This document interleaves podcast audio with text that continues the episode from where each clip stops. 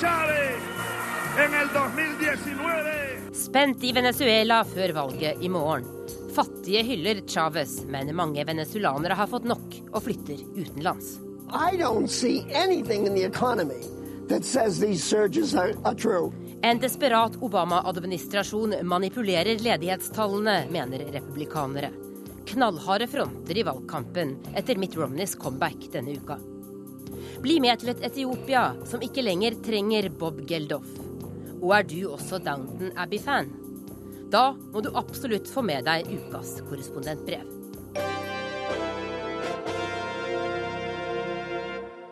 Jeg heter Tove Bjørgaas, og dette er Verden på lørdag, utenriksredaksjonens lørdagsmagasin. Først til Venezuela, for i morgen er det presidentvalg der. Aldri tidligere har Hugo Chávez hatt en sterkere utfordrer enn Enrique Cabriles. Det kan bli et skjebnevalg for Chávez, som har sittet ved makten i 14 år. Men hans tilhengere fnyser av at deres president vil bli vraket. Og vår korrespondent Jon Gelius er som eneste norske journalist på plass i Caracas.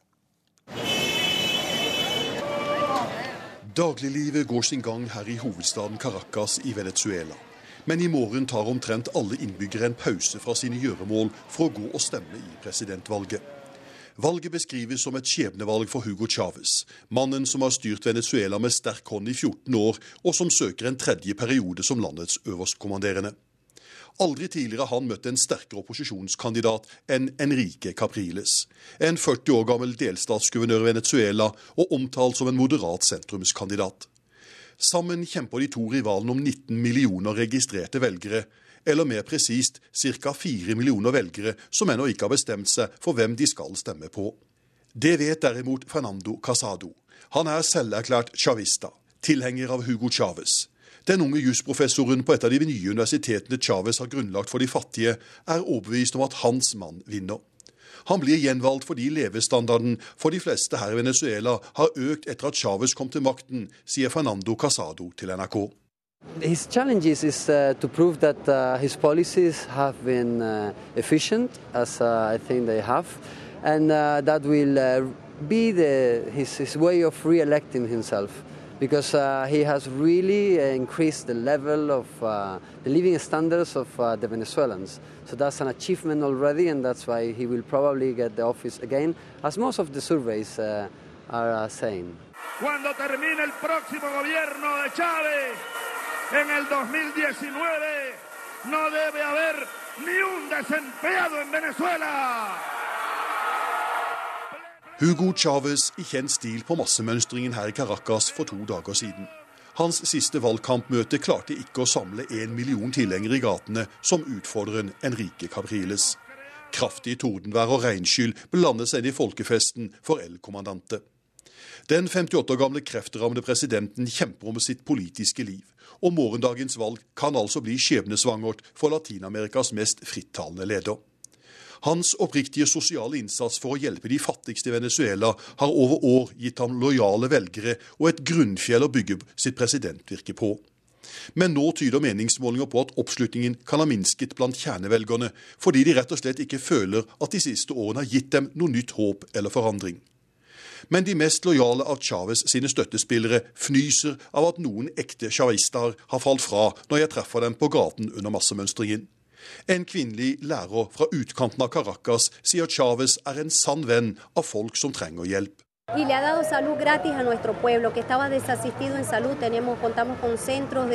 Han har gitt folket gratis helsetjenester som mange før ikke hadde råd til selv. Han har åpnet helsestasjoner som ikke gjør forskjell på folk.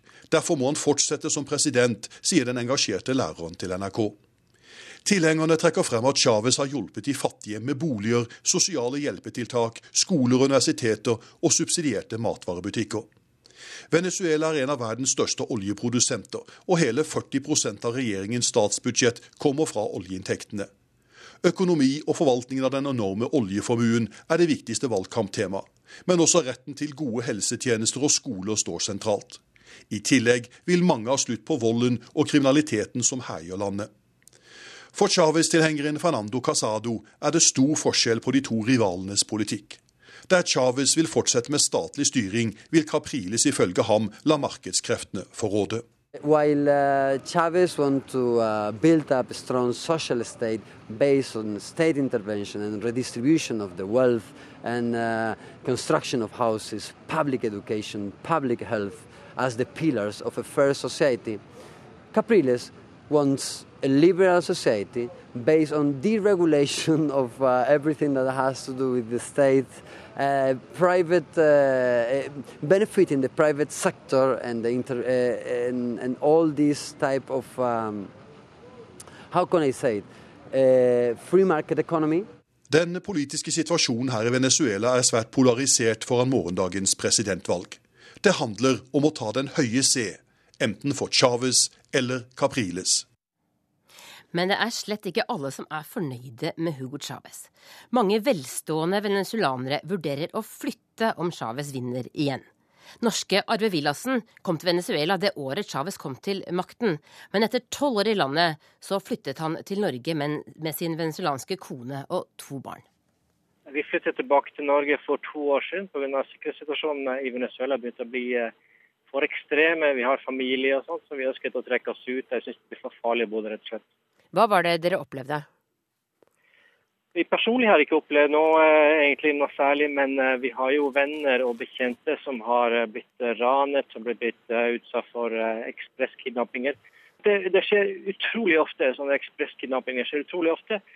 Som regel går det bra, de får pengene sine og kommer seg unna, men det skjer selvfølgelig i stor grad at, at de som blir utsatt for dette, blir drept for det, at politiet blir blandet inn, eller at de ikke får de pengene de ber om. Hvorfor har kriminaliteten blitt så mye høyere mens Chávez har vært president? Det har jo alltid vært ganske mye kriminalitet i Venezuela, men det har blitt betydelig verre. Det virker som at eh, det har blitt mer korrupsjon blant politiet. Det har også vært eh, først krangel si, det si sånn, mellom de forskjellige politienhetene. Eh, og det har blitt problematisk, det. Så det har gått utover sikkerheten og blitt verre og verre. Du eh, har drevet i, i, mange år en bedrift eh, i Venezuela. Hvordan er det å være selvstendig næringsdrivende der nå? Det er veldig vanskelig. Det har blitt vanskelig etter hvert. Det har blitt eh, stadig mer byråkrati. Det har blitt stadig strengere regler angående import eh, av produkter. Og det er veldig sterke regler for å beskytte arbeiderne. Det vil Si at du har ingen mulighet til å si opp en person som ikke gjør jobben sin. Og, eh, og, Det får en del konsekvenser for virksomheten. Hvis du har personer som ikke fungerer, så får du ikke gjort noe med det. Og du har høye kostnader selvfølgelig med det. Til daglig, hvordan merker man eh, at det har blitt økonomiske endringer under eh, Chávez? Du merker jo en ting Det merker på, at det er jo blitt færre varer i butikkene. Det er veldig mange varer som plutselig forsvinner som ikke er der lenger, fordi det ikke lønner seg å ta dem inn. For det er jo prisjusteringer òg. Ja, til og med basisvarer. Det kan være Plutselig er det vanskelig å få tak i melk noen måneder, helt til de får eh, endret på importreglene der. Og så er det ting som kjøtt. og det er jo en ting at eh, Melk og kjøtt og jordbruksvarer er jo noe som produseres, det burde produseres veldig mye i Venezuela. Men pga. Handelsregulering og vekslingskontroll så har det blitt veldig eh, lukrativt å importere faktisk melk og kjøtt. Så det er veldig mye import av sånne type basisvarer som egentlig burde vært produsert i Venezuela. Dette er jo egentlig et veldig rikt eh, oljeland. Før Chávez kom til makten, så, så var eh, den eh, venezuelanske overklassen eh, svært dominerende. Men har det blitt noe bedre? Etter min mening så var det klinkende klart et behov for endring da Chávez ble valgt. for å si sånn. Det var stor forskjell på fattige og rike. og det var en situasjon som burde vært bedre. De fattigere burde hatt mer penger, og de rike hadde ikke trengt å ha så mye penger. Så Ideelt sett eh, hadde Chávez fått det til og fått en utbedring der, så hadde det vært eh, positivt, eh, mener jeg da. Men det sånn som jeg ser det nå, så er det ikke blitt noe bedre. Det er fremdeles veldig, noen få, en stor gruppe som har veldig mye penger. De har like mye som før, kanskje enda mer. Og det har ikke blitt noe særlig bedre for de fattige heller. Så det er ikke blitt noe forbedring i en situasjon som jeg egentlig ønsket skulle komme. Men han hadde gode hensikter i utgangspunktet, tror du det? Jeg tror personlig at Chávez eh, har gode intensjoner, det er fremdeles gode intensjoner, men det er måten han har gjort det til. Han har ikke fått dette til, og så har han fått med seg veldig mye feil folk. Det er veldig mye korrupsjon i, myndighetene. Og eh, det er det som gjør at ikke dette kunne fungert. Men hvis du går rett etter hva han sier og egentlig ønsker om landet, så tror jeg ikke det er så galt. Altså. Men det er måten man gjør det på. Hva tror du eh, om valget i morgen, da? Er det, er det noen som helst sjanse for at Chávez ikke vinner? Sånn som jeg ser på meningsmålingene nå, så er det jo faktisk en viss mulighet for at Chávez ikke vinner valget. Eh, men det er jo fremdeles det er mange meningsmålere fram og tilbake og mange meninger. og sånt, Men eh, jeg tror for første gang så er det en viss mulighet for at Chav ikke vinner valget. da. Men han har jo gått ut og erklært at hvis han ikke vinner valget, så blir det borgerkrig. Han har sagt rett ut. Det er jo veldig bekymringsfullt.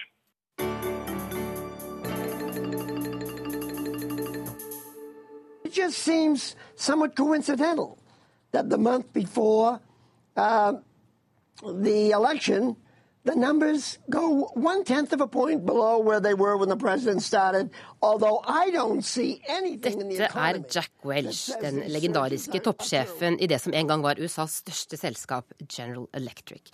Og han beskylder altså president Obama for å ha manipulert ledighetstallene som Arbeidsdepartementet la fram i går. Ledigheten i USA er altså nå på 7,8% og det er det laveste siden Obama tiltrådte. Og jeg har fått besøk her i studio av deg, USA-kjenner Jan Arild Snoen. Det er en ganske grov anklage å beskylde en administrasjon for å manipulere ledighetstallene. Er det noen som helst slags hold i dette? Nei.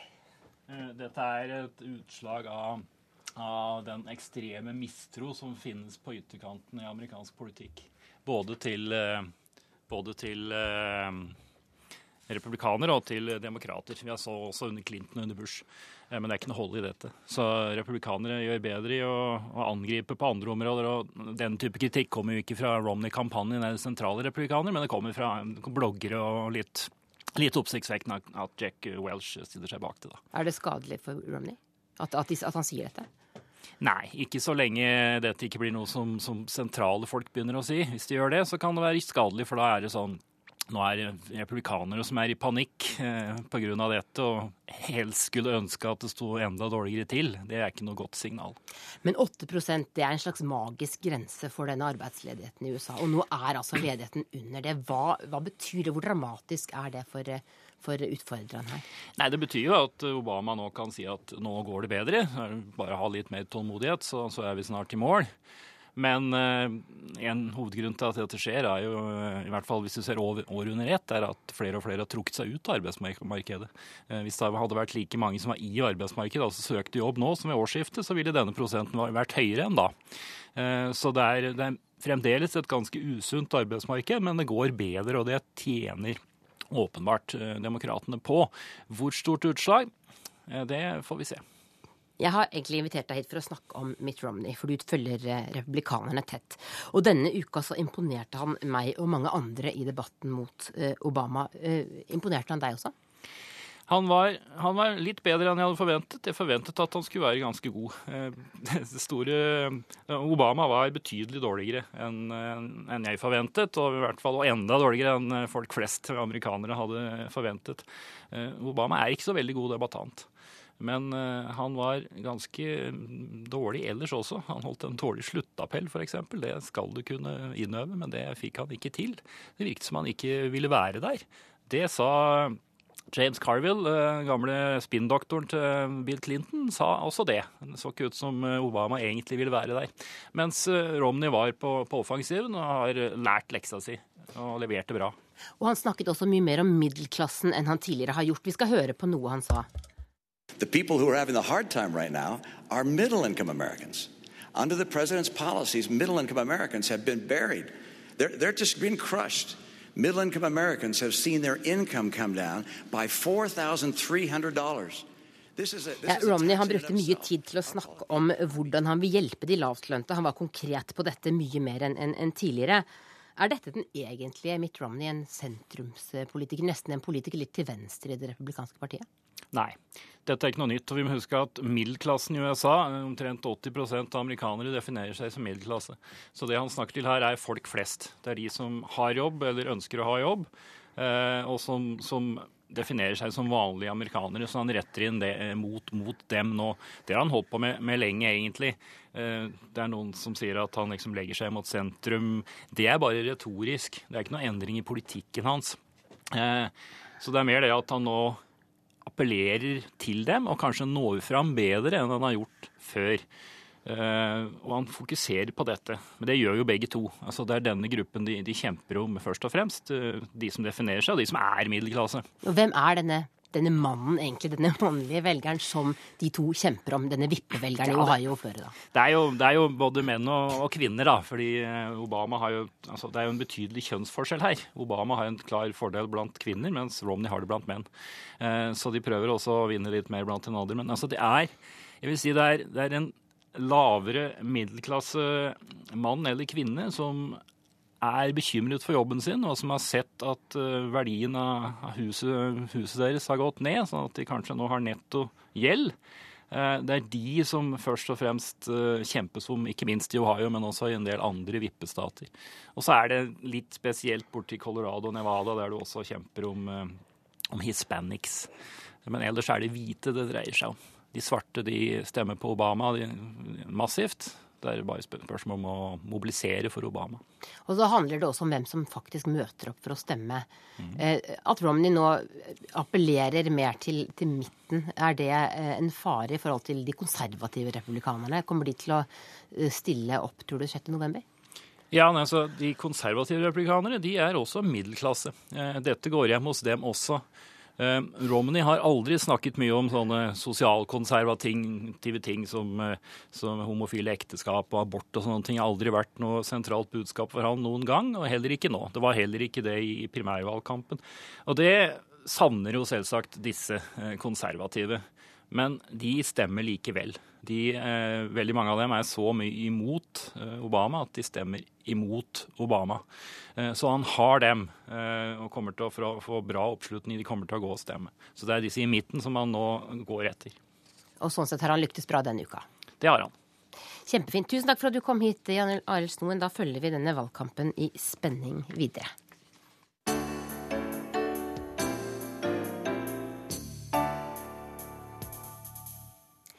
Afrika nå.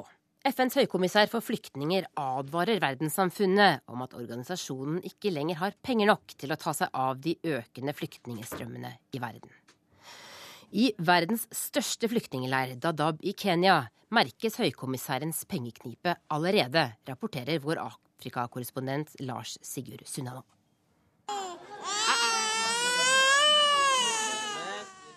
Legesjek for en av de aller minste i verdens største flyktningleir, Dadaab.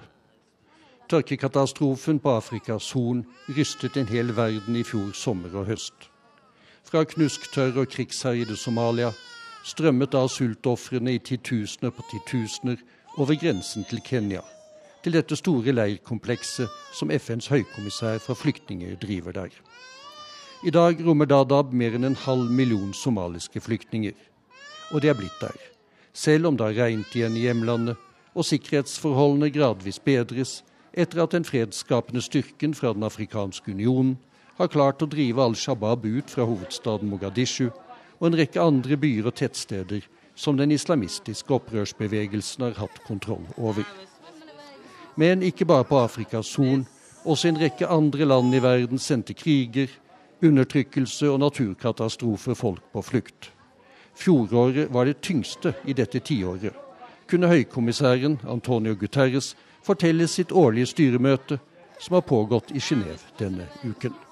Already in 2011, as crisis after crisis unfolded, more than 800,000 people crossed borders in search of refuge. I 2011, etter hvert som krise etter krise utfoldet seg, krysset mer enn 800 000 mennesker grenser i søken etter sikkerhet, sier han. I gjennomsnitt 2000 flyktninger hver eneste dag. Dette er flere enn noen gang det siste tiåret. Sammen med Verdens matvareprogram, WFP, holder høykommissæren liv i nærmere 10 millioner flyktninger i 37 land. Antallet øker med nye kriger og kriser. I Syria, Sør-Sudan og Mali for bare å nevne noen av de siste brennpunktene. Men det skorter nå på pengestøtten. I fjor gikk det med rundt 13 milliarder kroner i verdens flyktningleirer. I år og fremover trengs det enda mer. Og det var en bekymret høykommissær som tegnet dette bildet av FN-organisasjonens finansielle situasjon på styremøtet i Genéve. At this time of economic crisis, I am aware of the pressures on. Yet, curtailing humanitarian assistance will turn out to be more costly in the long run. I therefore appeal to all our donors, both traditional and non-traditional, i disse økonomiske krisetider er jeg klar over at de humanitære bistandsbudsjettene er kommet under press, sier Antonio Guterres. Men å kutte humanitær hjelp vil bli enda mer kostbart i det lange løp. Og jeg appellerer derfor til alle våre givere, både de tradisjonelle og ikke-tradisjonelle, om å øke støtten til oss i denne kritiske situasjonen, der vår finansielle kapasitet er strukket til bristepunktet. I Dadab merkes høykommissærens pengeknip allerede. Tidligere denne uken meldte Leger uten grenser at den internasjonale bistanden til leirkomplekset er blitt redusert med 40% Men fortsatt velger de mer enn 500 000 flyktningene å bli i Dadaab. Det siste året har bare to av dem vendt hjem til Somalia. Så til en hyggeligere historie fra Afrika. For Etiopia er i ferd med å løfte seg ut av fattigdom og nød. Med naboer som Somalia, Eritrea og Sudan er det ganske utrolig. Tom Christiansen har nettopp vært i Etiopia og har kommet forundret hjem.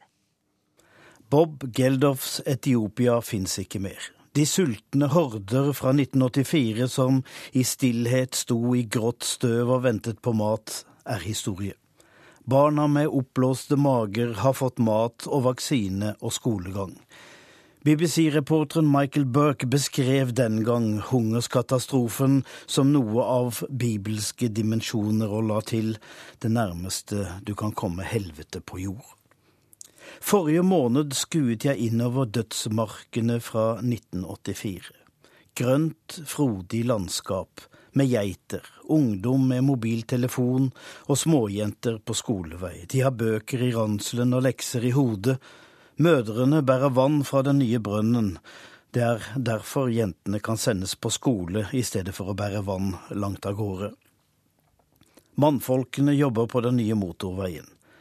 Fra FN og Verdensbanken kan jeg laste ned ufattelige tall og konklusjoner. Sulten i Etiopia er over. Fattigdommen er halvert på 18 år. Før levde to tredeler av etiopierne for mindre enn to dollar om dagen. Nå er det bare en tredel som er fattige. For 16 år siden fikk bare to av ti skolegang. I dag går 70% av etiopiske barn på skole. Seks av åtte millennium-mål fra FN for å bekjempe fattigdommen i verden er oppfylt. Etiopia bygger Afrikas største kraftverk. De demmer opp hele Nilen. Landet får 30 nye universiteter. De bygger nye veier og jernbaner. Landet uten adgang til havn bygger en transportkorridor til nabolandet Djibouti. De skal importere varer og selge kaffe. Og bare vent. En av verdens største kraftverk reises nå nord i landet. Det skal produsere 6000 megawatt og gi billig grønn kraft til hele regionen. Det skal bli lys i lampene fra Rødehavet til Uganda. De demmer opp Blånilen til Egypts fortvilelse og protester. Avdøde statsminister Mele Senavi hørte ikke på dem, ikke europeiske miljøvernere heller, som har advart mot økologiske forandringer. Fnysende latterliggjorde han dem som rike turister på jakt etter sjeldne sommerfugler. Er ikke folkets utvikling viktigere? Hvorfor har vi ikke hørt om dette? Hvorfor er en av Afrikas mest dramatiske og markante forandringer ukjent? Det skyldes landets varemerke i Vesten, som er nød og elendighet. Nødhjelpsorganisasjonene har i alle år blottstilt deres elendighet. Menneskerettsorganisasjoner har konsentrert seg om en skrantende ytringsfrihet. De andre historiene har ingen fortalt oss. Over et middagsbord for to uker siden møtte jeg to redaktører i Addis Abeba. Vi snakket om at landet mangler uavhengige journalister. Men begge var regimekritikere med egne aviser. De skrev om korrupsjon og maktmisbruk, og var ikke kjøpt og betalt av noen. Den vestlige kritikken betraktet de med stor undring. Den var overfladisk, vulgær og full av sjablonger. Den beskrev en verden som ikke var deres. Deres egen kritikk av regimets bruk av terrorloven mot ytterliggående kritikere kunne være hard og fordømmende, men uten de brede penselstrøk som kommer fra Vesten ifra oss. Norge er i ferd med å tredoble bistanden til Etiopia, vel vitende om at standarden på menneskerettighetene ikke er av europeisk kvalitet. Norge må derfor være en pådriver i slike spørsmål, men hvordan gjør man det? Etiopia har aldri vært underlagt noe vestlig land, de ble aldri noen koloni. Selvtilliten er ikke svekket av det internasjonale ryktet landet har som fattig og feilet. Det gjør ikke inntrykk å sende en norsk ambassadør for å klage på brudd på menneskerettighetene. Derfor vil Norge gå den vanskelige veien med å involvere menneskerettigheter i sine aktiviteter mer enn å sende klager til Utenriksdepartementet i Addis Abeba. Journalistene leter etter korrupsjon, men den er ikke påtrengende. Og avdøde Mele Senavi etterlater seg ingen arv i europeiske bankbokser, han levde enkelt og lurte ikke unna penger. Den velstandsøkning som nå kommer i Etiopia, går da heller ikke til en smal elite. Det finnes skarpere skiller mellom samfunnsklassene i Europa enn i Etiopia. Men landet har en lang vei å gå for å finne sitt eget demokrati. I mer enn 3000 år har det vært et føydalt samfunn. Far som patriark i familien, legen som gud på sykehuset, læreren som diktator i klasserommet og statsministeren som en lærer med spanskrør. Men han løftet dem ut av sulten. Det har ikke Etiopia fått noen kreditt for.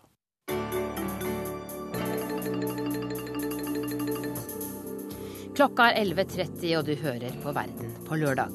I den neste halvtimen får vi det siste fra Syria og rapporter om blasfemi i Russland og homofobi i Serbia. I tillegg selvsagt til ukas korrespondentbrev. Trond Giske var liksom en av lord Granthams aristokratiske venner, som sammen med lord Borten Moe, jarlene av Statoil og Statkraft og selveste kronprinsen var invitert til lunsjen hos vertskapet.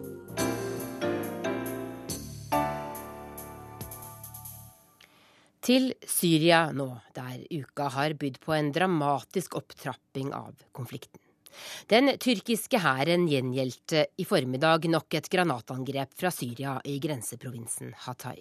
Men ingen skal ha blitt drept eller skadd i angrepet.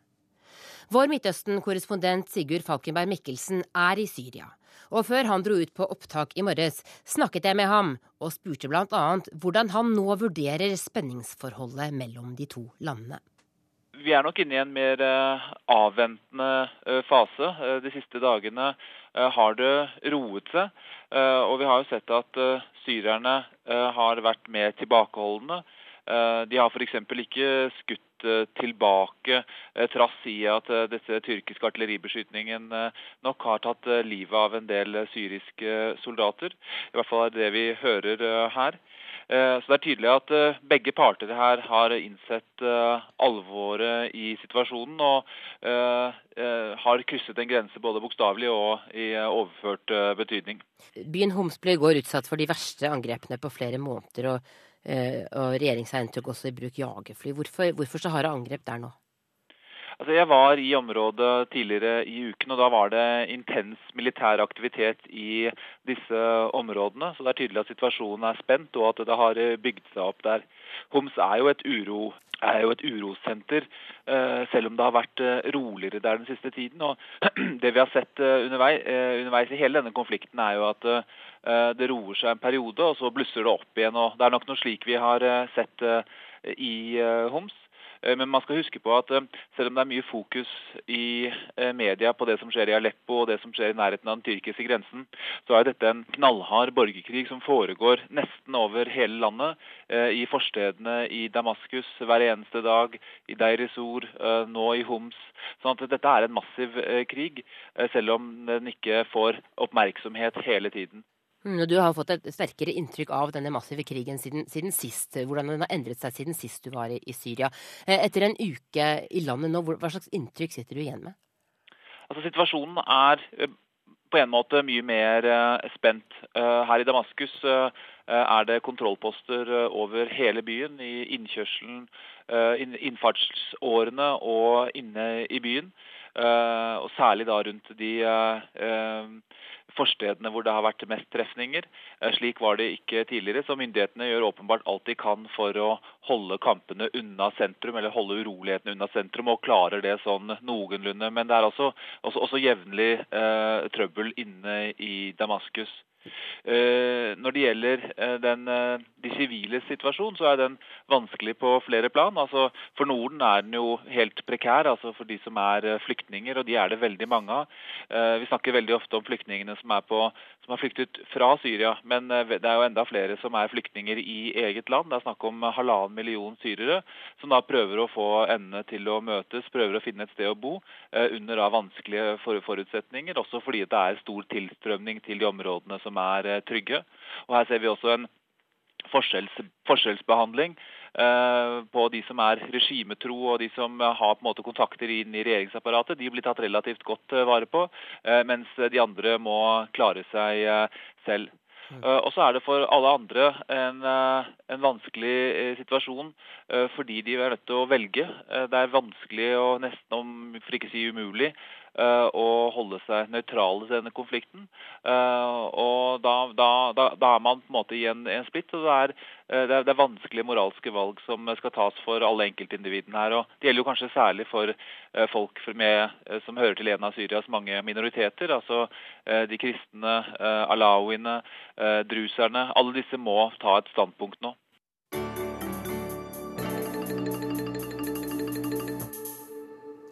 Russland befinner seg i kulturell fattigdom, sier president Vladimir Putin. En ny samfunnsideologi med en meget sterk binding mellom stat og kirke er i ferd med å bli etablert i landet. Og det 21 år etter at den sovjetiske ateiststaten brøt sammen. Dette skal vi høre mer om nå.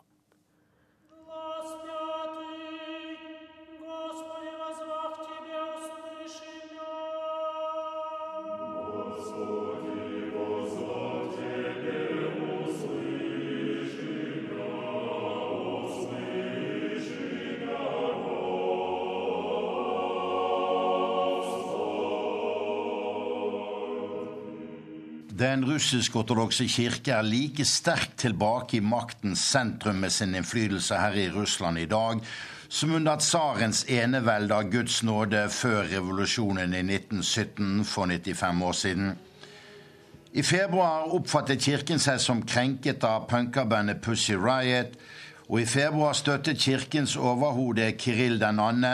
Vladimir Putins presidentkandidatur. Den russisk-ortodokse kirke har alltid visst å gi keiseren hva keiserens er, og Herren hva Herrens er. I Kirkenes verdensråd har patriarken kritisert forsamlingen for liberal dekadanse, særlig pga. toleranse overfor homofile. På hjemmebane refser kirken Mammons barn for umoral, og sist helg slo president Putin også fast at Russland befinner seg i kulturell fattigdom. Мы сталкиваемся с возможностью потери собственного культурного лица, национального культурного кода.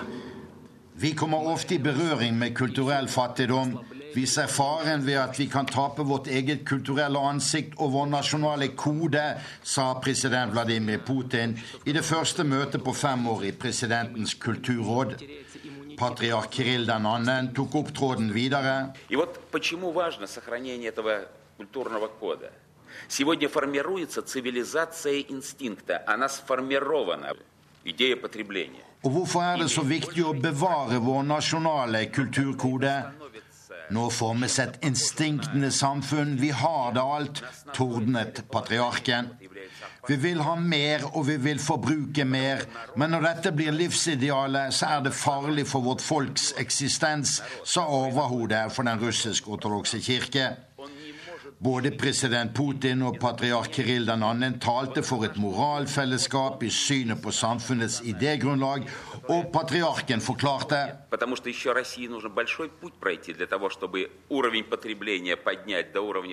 For Russland må gå en lang vei for å kunne gi folk en levestandard og et forbruksnivå som i andre land, og lønne menneskene deretter.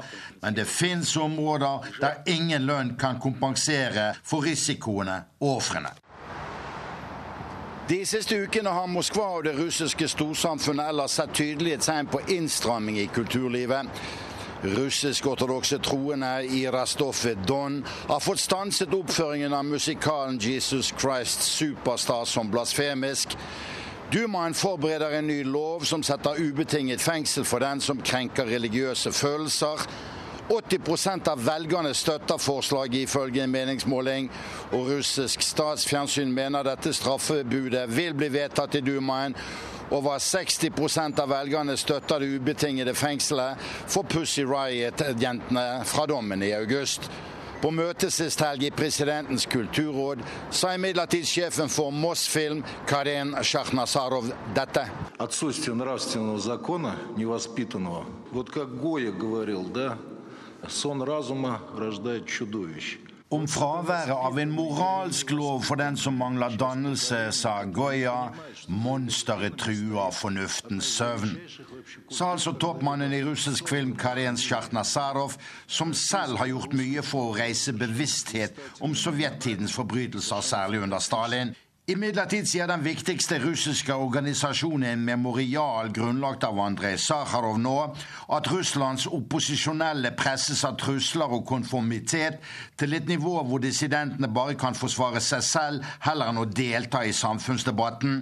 Og Memorial er Russlands største moralske autoritet på statlig overgrep med sin leder Ljudmila Aleksejeva som en av kandidatene til Nobels fredspris om en uke.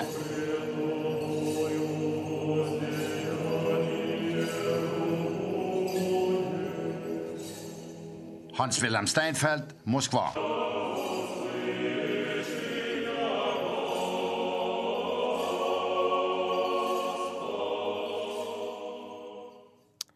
I Serbia er det heller ikke lett å være annerledes. Etter planen skulle det i dag arrangeres Gay Pride-parade i Serbias hovedstad Beograd. Men myndighetene mener det rett og slett er for farlig. Det synes EUs utvidelseskommissær er kritikkverdig. Ja, forbudet mot paraden kan faktisk få konsekvenser for EUs statusrapport om Serbia, som kommer neste onsdag. Serbia er kanskje blant de mest homofobe landene i Øst-Europa. Selv det å lage filmer om homofili byr på vanskeligheter. I 2011 kom filmen Parada, der gamle krigsveteraner blir leid inn for å beskytte paraden.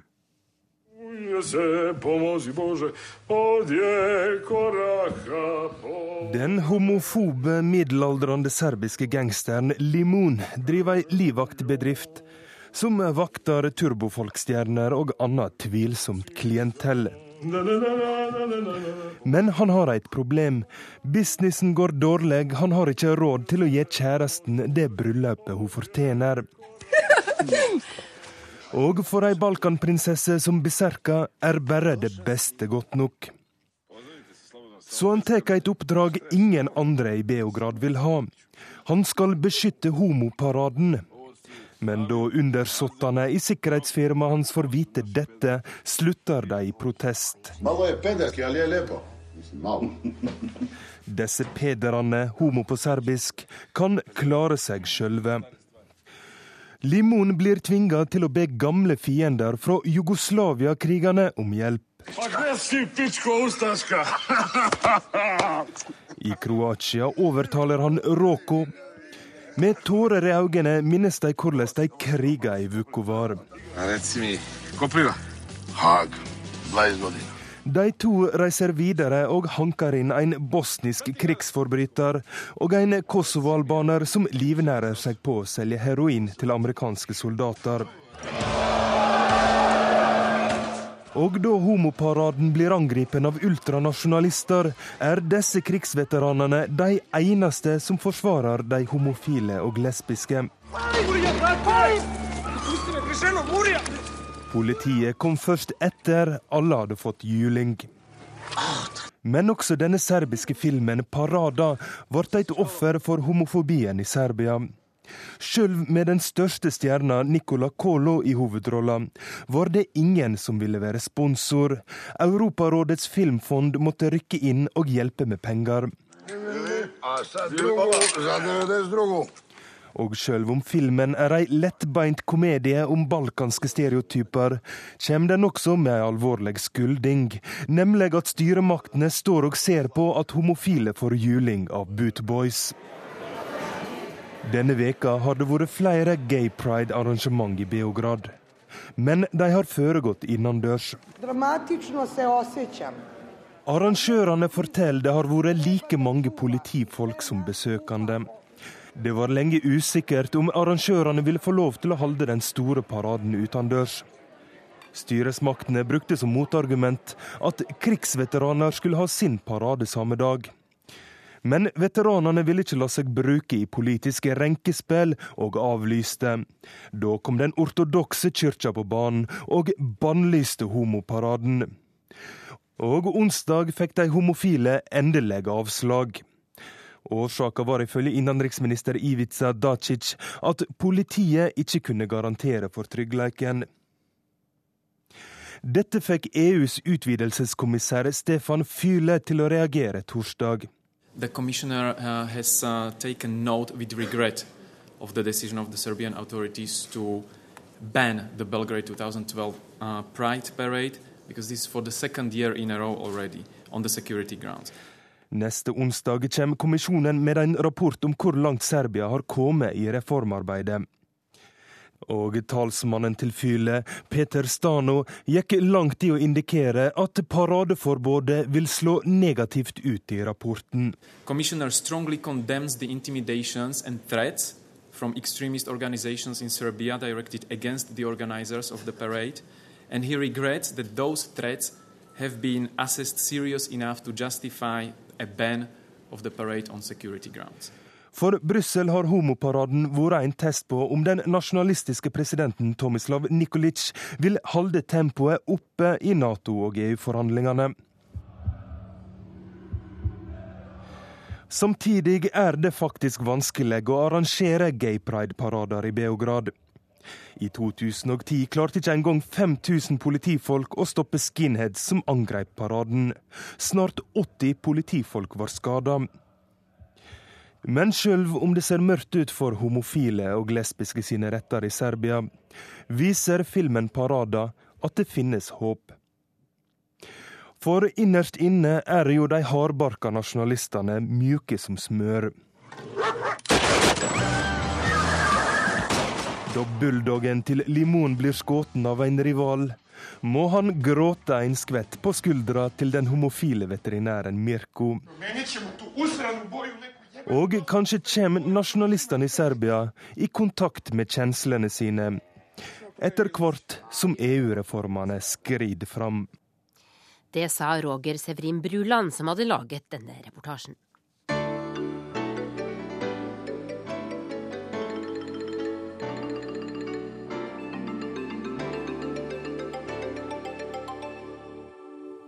Vi skal til det kriserammede Spania, der regjeringen har fått nok en hodepine. Kravet om uavhengighet for landets rikeste region, Catalonia. Katalanske myndigheter skrev i forrige uke ut nyvalg, og vil deretter holde en folkeavstemning om løsrivelse fra Spania. Arnt Stefansen har laget denne reportasjen. Catalonias hovedstad Barcelona i forrige måned. Hundretusener av mennesker går gjennom gatene og krever løsrivelse fra Spania.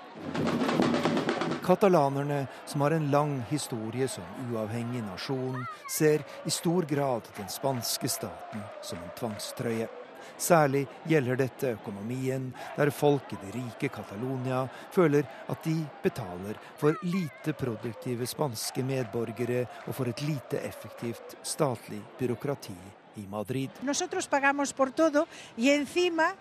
Vi katalanere betaler regningen for andre spanjoler, sier en av deltakerne i demonstrasjonen. Og på toppen av det hele blir vi kritisert for å være selvgode og egoistiske.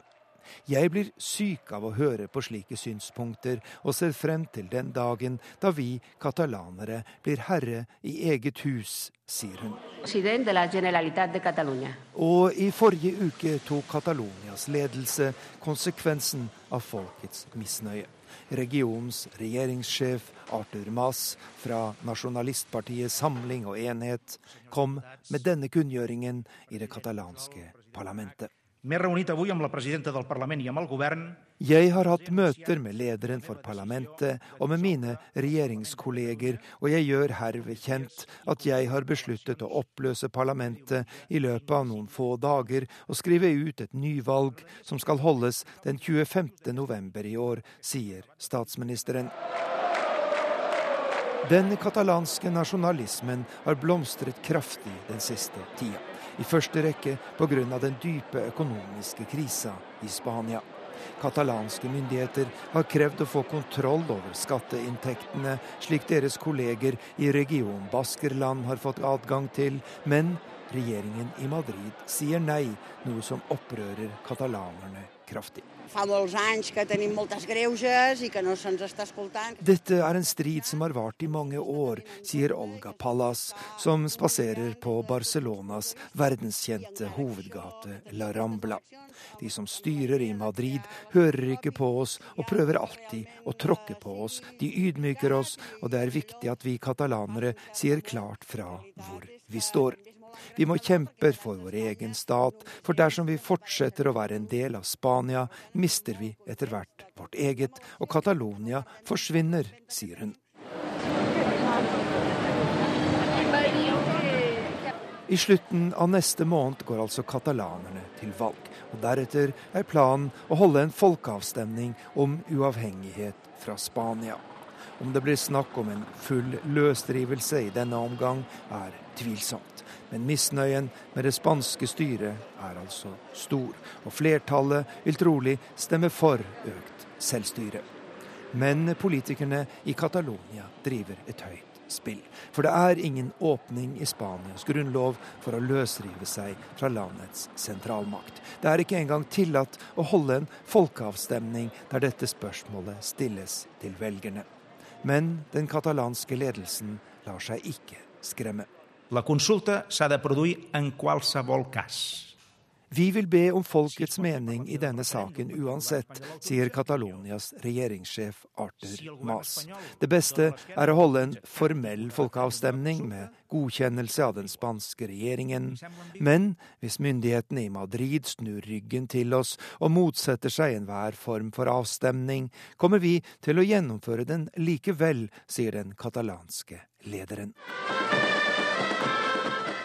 Det syder av opprør i Catalonia, og ingen kjenner utfallet av høstens politiske drama i Spanias rikeste region.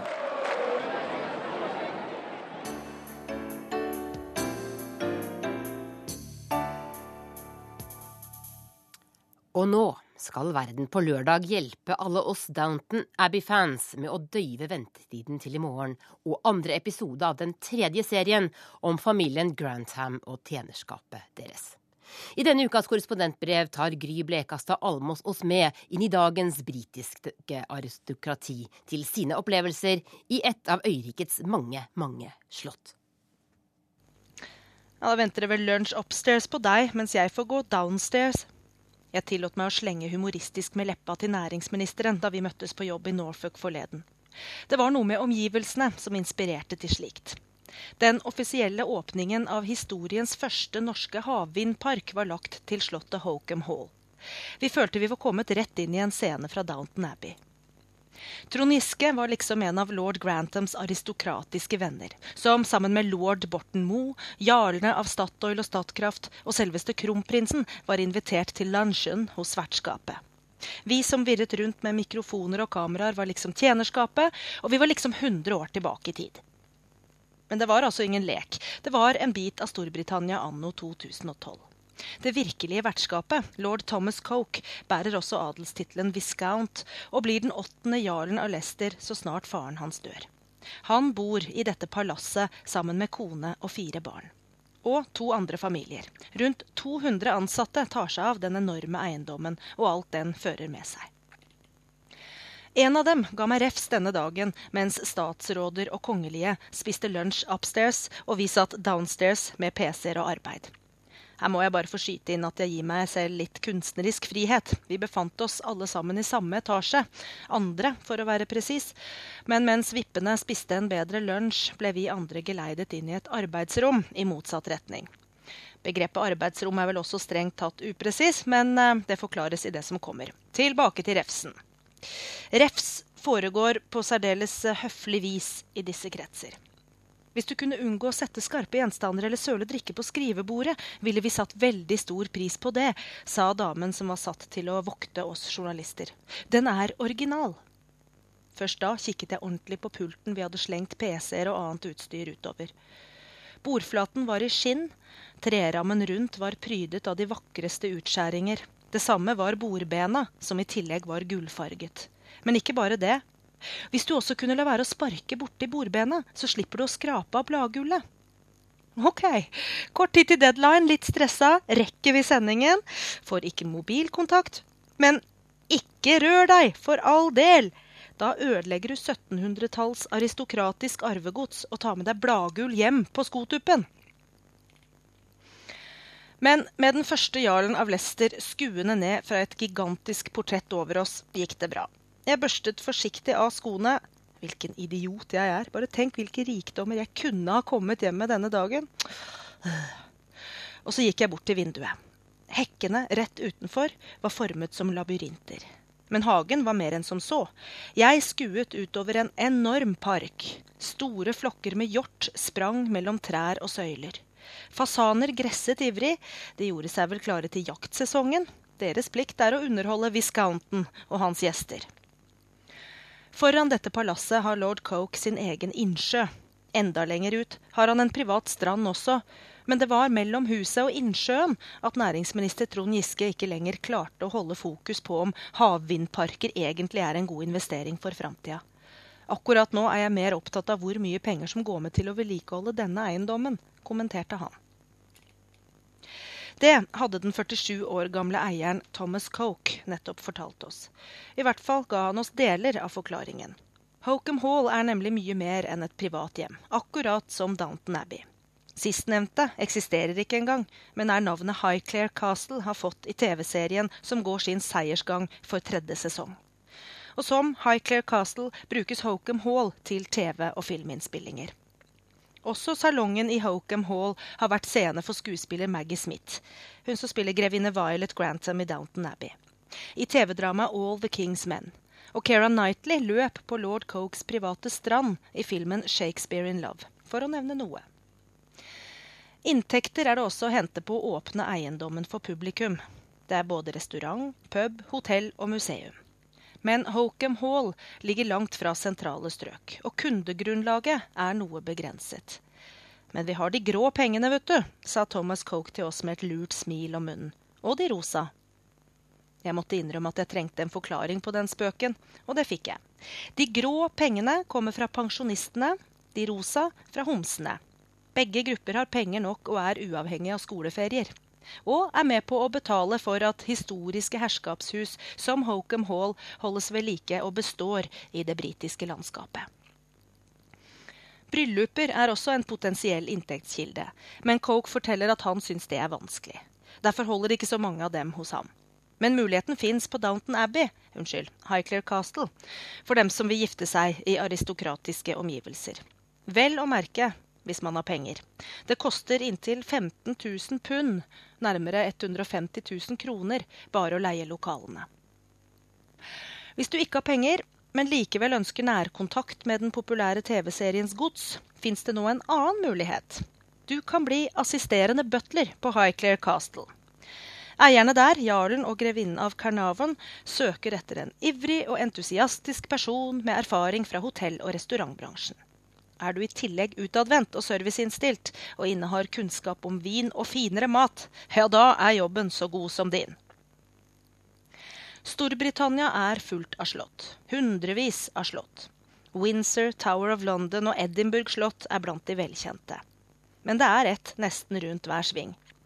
Noen av dem tilhører kongefamilien, noen tilhører stiftelser som National Trust, og noen er altså i privat eie.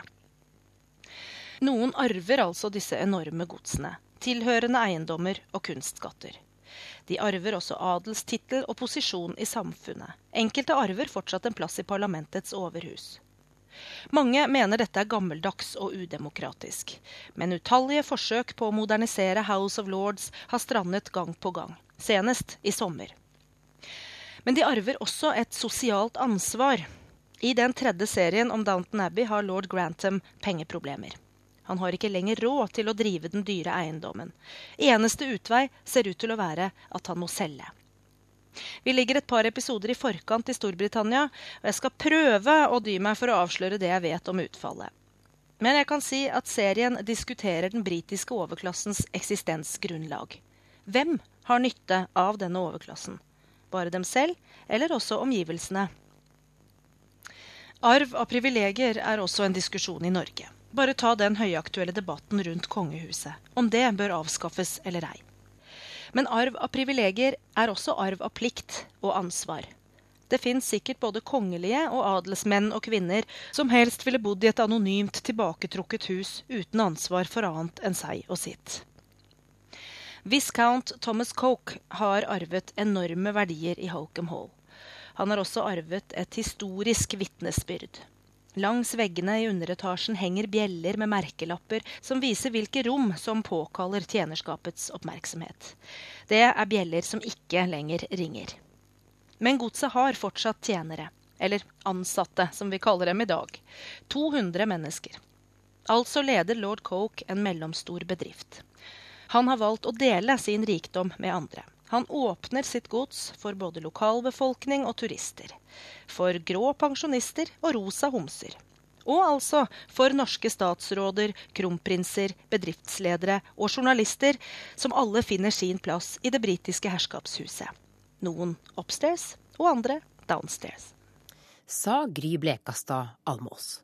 Og det var det vi hadde å by på fra verden der ute denne lørdagen.